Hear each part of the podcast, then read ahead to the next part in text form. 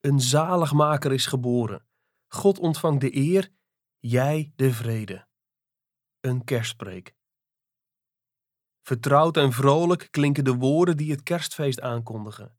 Zie, ik verkondig u grote blijdschap die voor heel het volk wezen zal. Namelijk dat heden voor u geboren is de zaligmaker in de stad van David. Hij is Christus, de Heere.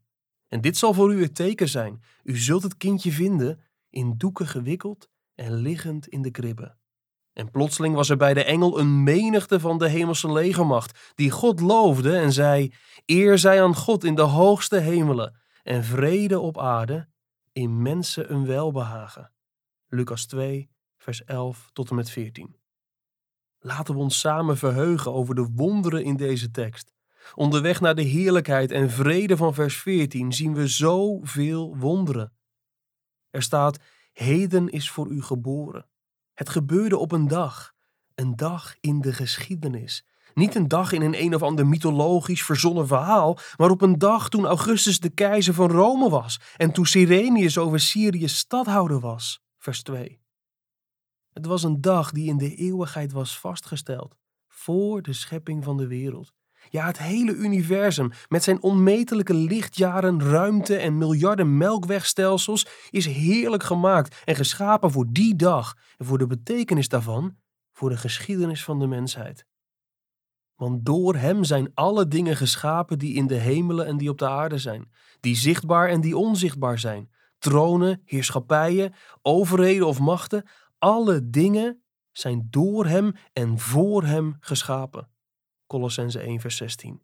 Voor hem, voor zijn verschijning, voor de dag waarop hij verscheen. Maar toen de volheid van de tijd gekomen was, zond God zijn zoon uit, geboren uit een vrouw, geboren onder de wet. Gelaten 4 vers 4. Het gebeurde op een dag, de volkomen dag, in de volheid van de tijd. Het perfecte moment dat God voor de grondlegging van de wereld had vastgesteld. Heden is voor u geboren. Vervolgens staat er in de stad van David. Het gebeurde in een stad, niet in Lewis Narnia, niet in Tolkien's Midden-Aarde, niet in een melkwegstelsel hier ergens heel, heel ver vandaan. Het gebeurde in een stad, ongeveer 4500 kilometer bij Amsterdam vandaan. In een stad die nu nog steeds bestaat. Mijn moeder is net buiten die stad bij een busongeluk om het leven gekomen. Deze stad bestaat echt. En de naam van deze stad is Bethlehem. Ook Jozef ging op weg van Galilea naar de stad van David, die Bethlehem heet. Lucas 2, vers 4. Bethlehem op 10 kilometer afstand van Jeruzalem. Bethlehem, de stad waar Isaïe woonde, de vader van David, de grote koning van Israël. Bethlehem, de stad waarover Micha profeteerde. En u, Bethlehem Efrata, al bent u klein om te zijn onder de duizenden van Juda, uit u zal mij voortkomen, die een heerser zal zijn in Israël. Zijn oorsprongen zijn van oudsher, van eeuwige dagen af. Micha 5, vers 1. Het gebeurde in een stad, een echte stad, net zo echt als de plaats waar jij woont.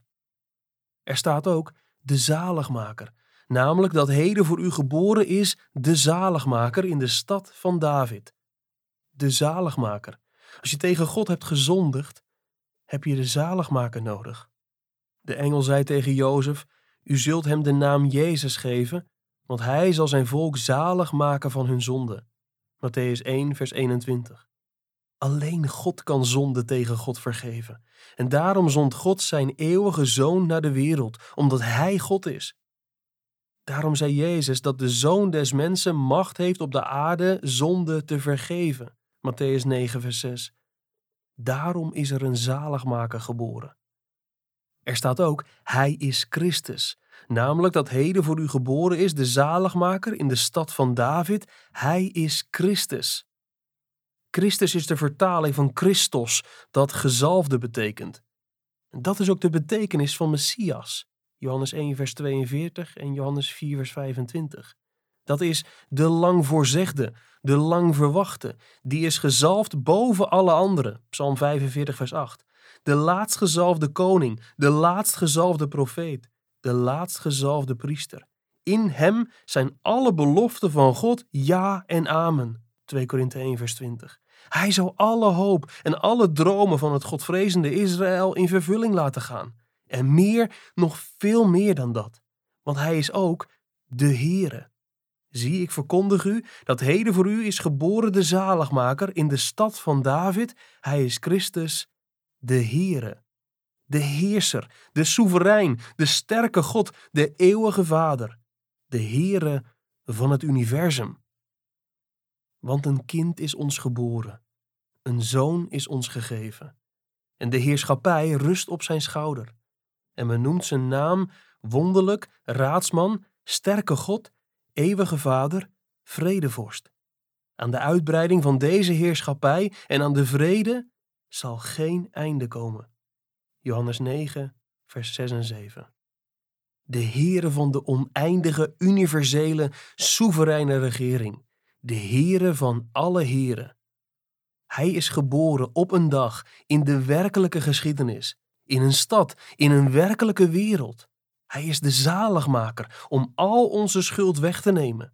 Hij is de Christus om al onze hoop te vervullen. En hij is de Heere om al onze vijanden te verslaan en ons voor eeuwig te behouden en te verzadigen. Daarom verheug ik me er deze kerst samen met jou over dat we een grote verlosser hebben. Jezus, de Christus, de Heere, geboren op een dag in een stad om ons zalig te maken van onze zonden, onze vele zonden. Toen de engel dit nieuws aan de herders had verkondigd, Lucas 2 vers 11, en hen op de stal had gewezen waar de baby lag, verschenen plotseling een menigte van engelen aan de hemel. Klaarblijkelijk volstond één engel om dit nieuws te brengen, maar was één engel niet voldoende om op dit nieuws te reageren. De betekenis van dit nieuws, het uiteindelijke gevolg van dit nieuws, dat vraagt om een menigte engelen. En plotseling was er bij de engel een menigte van de hemelse legermacht, die God loofde en zei: Eer zij aan God in de hoogste hemelen en vrede op aarde, in mensen een welbehagen. Vers 13 en 14. Het vreugdevolle nieuws dat op die dag, in de volmaakte volheid van de tijd, in de volmaakte wijze voorzegde stad, de zaligmaker werd geboren, de Christus, de Heere. Dat nieuws heeft twee grote gevolgen, twee grote bedoelingen. Eer zij aan God in de hoogste hemelen en vrede op aarde in mensen een welbehagen. De komst van dit kind zal vrede brengen aan Gods volk, dat eens de gehele wereld zal vervullen met gerechtigheid en vrede. Aan de uitbreiding van deze heerschappij en aan de vrede zal geen einde komen. Jesaja 9 vers 6. In de allereerste plaats wordt God verheerlijkt door de geboorte van dit kind. In de tweede plaats zal de vrede zich overal verspreiden waar dit kind wordt ontvangen. Dit zijn de grote bedoelingen van de komst van Jezus. Gods eer die steeds van de mens naar God opstijgt en vrede die van God naar de mens neerdaalt. Gods heerlijkheid uitgezongen onder de mensen omwille van zijn naam en Gods vrede geleefd onder de mensen omwille van zijn naam. Zijn eer en onze vrede. Op een betere manier kun je het eigenlijk niet samenvatten. Daar ging het God om toen hij de wereld schiep, toen hij kwam om in Jezus Christus de wereld te heroveren. Zijn grootheid, onze vreugde. Zijn schoonheid, ons genoegen. Bij de schepping en de verlossing gaat het erom dat God heerlijk is en dat Hij vanwege die heerlijkheid gekend en geprezen wil worden door een nieuwe mensheid die van vrede is vervuld. Eer zij aan God in de hoogste hemelen en vrede op aarde in mensen een welbehagen. De King James vertaling en de statenvertaling vertalen vers 14b met en vrede op aarde in mensen een welbehagen. De meeste nieuwe vertalingen zijn het erover eens dat dit onjuist is. Ze vertalen bijvoorbeeld met en vrede op aarde voor alle mensen die hij lief heeft, de MBV. Of en op aarde vrede onder de mensen in wie hij een welgevallen heeft, Willibrord vertaling. Het gaat erom dat, ook al gaat Gods aanbod van vrede naar allen uit, alleen zijn uitverkoren volk de vrede zal ervaren die hij brengt. De mensen die Christus aannemen en op hem vertrouwen als zaligmaker, Messias en Here. Dat dit de betekenis moet zijn, zie je ook in Lucas 10, vers 5 en 6, waar Jezus tegen zijn discipelen zegt: En welk huis u ook maar binnengaat, zeg eerst: Vrede zij dit huis. Dat is het aanbod van vrede aan allen. En als daar een zoon van vrede is, zal uw vrede op hem rusten. Zo niet, dan zal uw vrede tot u terugkeren. Gods vrede in Christus wordt aan de wereld aangeboden. Maar alleen een zoon van vrede ontvangt die. Hoe weet je of je zo'n zoon van vrede bent? Hoe weet je of je deel hebt aan de belofte van de engelen, vrede onder de mensen in wie hij een welgevallen heeft? Het antwoord is: dan verwelkom je de vredestichter. Dan ontvang je Jezus. Het is Gods doel vrede te geven aan je door de heerlijkste persoon in je leven te zijn. Vijf keer wordt hij in het Nieuwe Testament de God van de vrede genoemd. Romeinen 15 vers 33 en hoofdstuk 16 vers 20, Filippenzen 4 vers 9, 1 Thessalonicense 5 vers 23 en Hebreeën 13 vers 20. Jezus zei, Mijn vrede geef ik u. Johannes 14 vers 27. En Paulus schreef over Jezus, want Hij is onze vrede. Efeze 2 vers 14. Dit betekent dat je de vrede van God of de vrede van Christus nooit kunt losmaken van God zelf en Christus zelf. Als we willen dat vrede het in ons leven voor het zeggen heeft, moet God het in ons leven voor het zeggen hebben. Dan moet Christus het in ons leven voor het zeggen hebben. Het is niet Gods bedoeling je vrede te geven los van Hemzelf. Het is Zijn bedoeling je vrede te geven door de heerlijkste persoon in je leven te zijn. De sleutel tot vrede is dus dat we bij elkaar houden wat de engelen bij elkaar houden: de eer aan God en vrede voor de mens. Een hart dat gericht is op het laten zien van Gods eer en heerlijkheid, zal de vrede van God kennen. Wat die twee samenhoudt, God die de eer krijgt en wij de vrede, is het geloven in of het vertrouwen op de belofte van God die door Jezus zijn verworven. Romeinen 15, vers 13 is een van de fundamentele teksten die wijzen op deze cruciale rol van het geloof. De God nu van de hoop mogen u vervullen met alle blijdschap en vrede in het geloven. In het geloven. Met andere woorden, het geloven is de manier waarop Gods beloften werkelijkheid voor ons worden en vrede in ons en door ons teweeg brengen. Als we die belofte geloven. Dat blijft waar, of we het nu hebben over vrede met God, vrede met onszelf of vrede met anderen. Mijn grote verlangen is dat je nu met kerst van deze vrede zult genieten. We weten dat er aan deze vrede wereldwijde aspecten zitten die in de toekomst liggen. De aarde zal vol worden met de kennis van de heerlijkheid van de Heere, zoals het water de bodem van de zee bedekt. Habakkuk 2 vers 14. Aan de uitbreiding van deze heerschappij en aan de vrede zal geen einde komen, zegt Jesaja 9 vers 6. Maar Jezus is gekomen om het begin van die vrede onder Gods volk in te luiden. Er zijn drie relaties waarin Hij wil dat je deze vrede nastreeft en van deze vrede geniet. Vrede met God, vrede met je eigen ziel en vrede met andere mensen, voor zover dat in jouw vermogen ligt. Met vrede bedoel ik dan niet alleen de afwezigheid van conflicten en vijandigheid, maar ook de aanwezigheid van vreugde en rust en zoveel rijkdom aan intermenselijk contact als je maar aan kunt. Laten we dus kort naar elk van deze drie vreedzame relaties kijken om ervoor te zorgen dat je vreugde zo groot mogelijk is. De sleutel tot elk daarvan is dat we niet van elkaar losmaken wat de engelen bij elkaar hielden: de eer van God en de vrede waarnaar je verlangt. Eer zij aan God in de hoogste hemelen en vrede op aarde.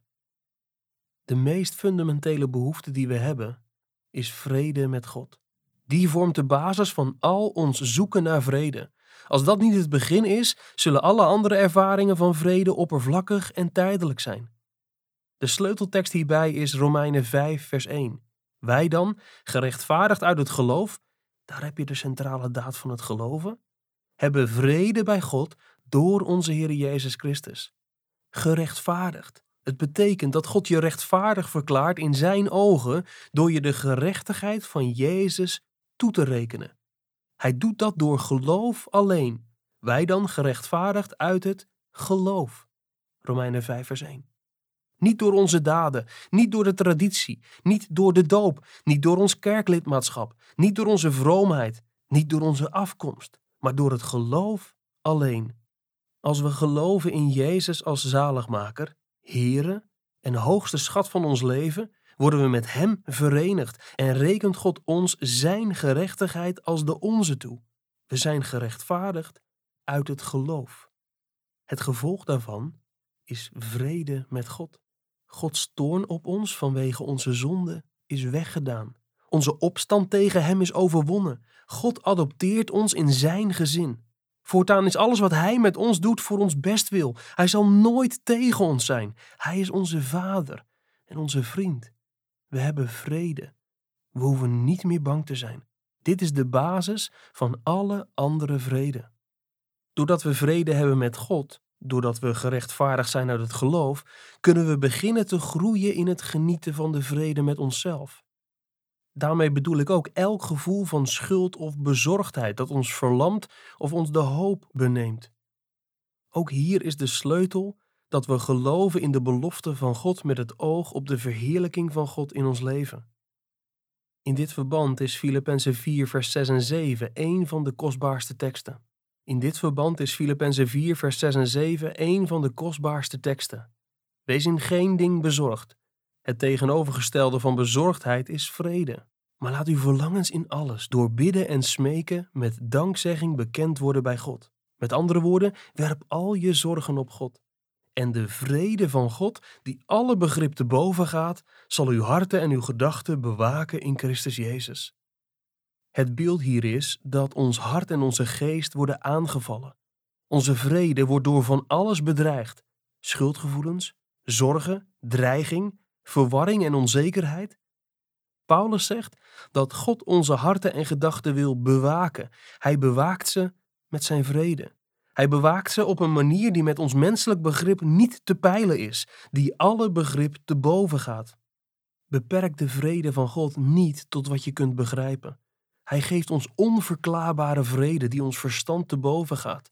En hij doet dat wanneer we onze zorgen in gebed bij Hem brengen en Hem vertrouwen dat Hij ze voor ons zal dragen. 1 Petrus 5 vers 7. En ons zal beschermen. Als we dit doen, als we naar Hem gaan, en vergeet niet dat we al vrede met Hem hebben.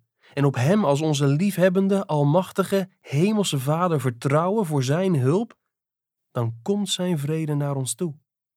Dan brengt Hij ons in evenwicht en beschermt Hij ons tegen de verlammende gevolgen van vrees, zorgen en schuldgevoelens. Dan kunnen we weer verder en onze God krijgt de eer voor wat we doen, omdat we op Hem hebben vertrouwd. Doe dat deze kerst. Breng al je vrees en angst bij God Vertel het hem. Vraag hem jou te helpen, je te beschermen, je weer vrede te geven en je dan te gebruiken om vrede te maken. De derde relatie waarin God ons van zijn vrede wil laten genieten, is in onze relatie met andere mensen. Over die relaties hebben we de minste controle. Daarom moeten we het voorzichtig zeggen, zoals Paulus dat in Romeinen 12, vers 18 doet. Hij schrijft: Leef zoveel mogelijk, voor zover het van u afhangt, in vrede met alle mensen. Als je met kerst samen bent met je familie, zal het voor veel mensen zo zijn dat je ook met enkele ongemakkelijke of pijnlijke relaties wordt geconfronteerd. Sommige pijn is al van lang geleden, andere is van recente datum. In sommige relaties weet je wat je moet doen, hoe moeilijk het ook kan zijn. Andere brengen je van stuk en je weet niet wat daarin het pad van de vrede is. In beide gevallen is de sleutel het vertrouwen op de belofte van God, met een hartelijk bewustzijn van hoe Hij je door Christus heeft vergeven. De tekst die deze dingen voor mij steeds weer op de krachtigste manier samenbrengt, is Efeze 4, vers 31 en 32. Laat alle bitterheid, woede, toorn, geschreeuw en laster van u weggenomen worden, met alle slechtheid. Maar wees ten opzichte van elkaar vriendelijk en barmhartig. En vergeef elkaar, zoals ook God in Christus u vergeven heeft blijf je steeds weer verwonderen over het feit dat God je door Christus heeft vergeven, ondanks al je zonden. Verbaas je erover dat je vrede met God hebt. Dit gevoel van verwondering dat ik, een zondaar, vrede met God bezit, maakt je hart teder, vriendelijk en vergevingsgezind. Laat dit ook zeventig maal zevenmaal doorwerken naar anderen. Dat kan als een boemerang bij je terugkomen. Het kwam zeker bij Jezus aan het kruis als een boemerang terug. Dat doet pijn en als je niet uitkijkt kun je erdoor verbitterd raken. Laat dat niet gebeuren. Blijf je er meer over verbazen dat jouw zonden zijn vergeven dan over dat jouw onrecht wordt aangedaan?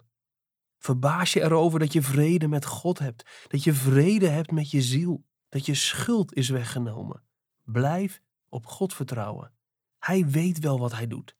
Laat in de schatkist van je hart zijn eer steeds bovenaan staan en niet je relaties of je succes of effectiviteit in het stichten van vrede. Dan zul je als de engelen zijn.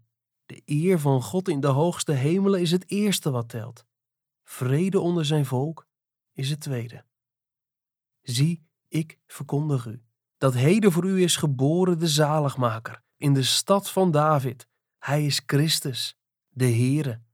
Hij is gekomen op een dag naar een stad, als de zaligmaker, de Messias, de soeverein, zodat God de eer zou krijgen en jij vrede zou kennen. Mijn wens is dat de God van de vrede jou vrede geeft en dat Hij zelf Zijn eer zal ontvangen.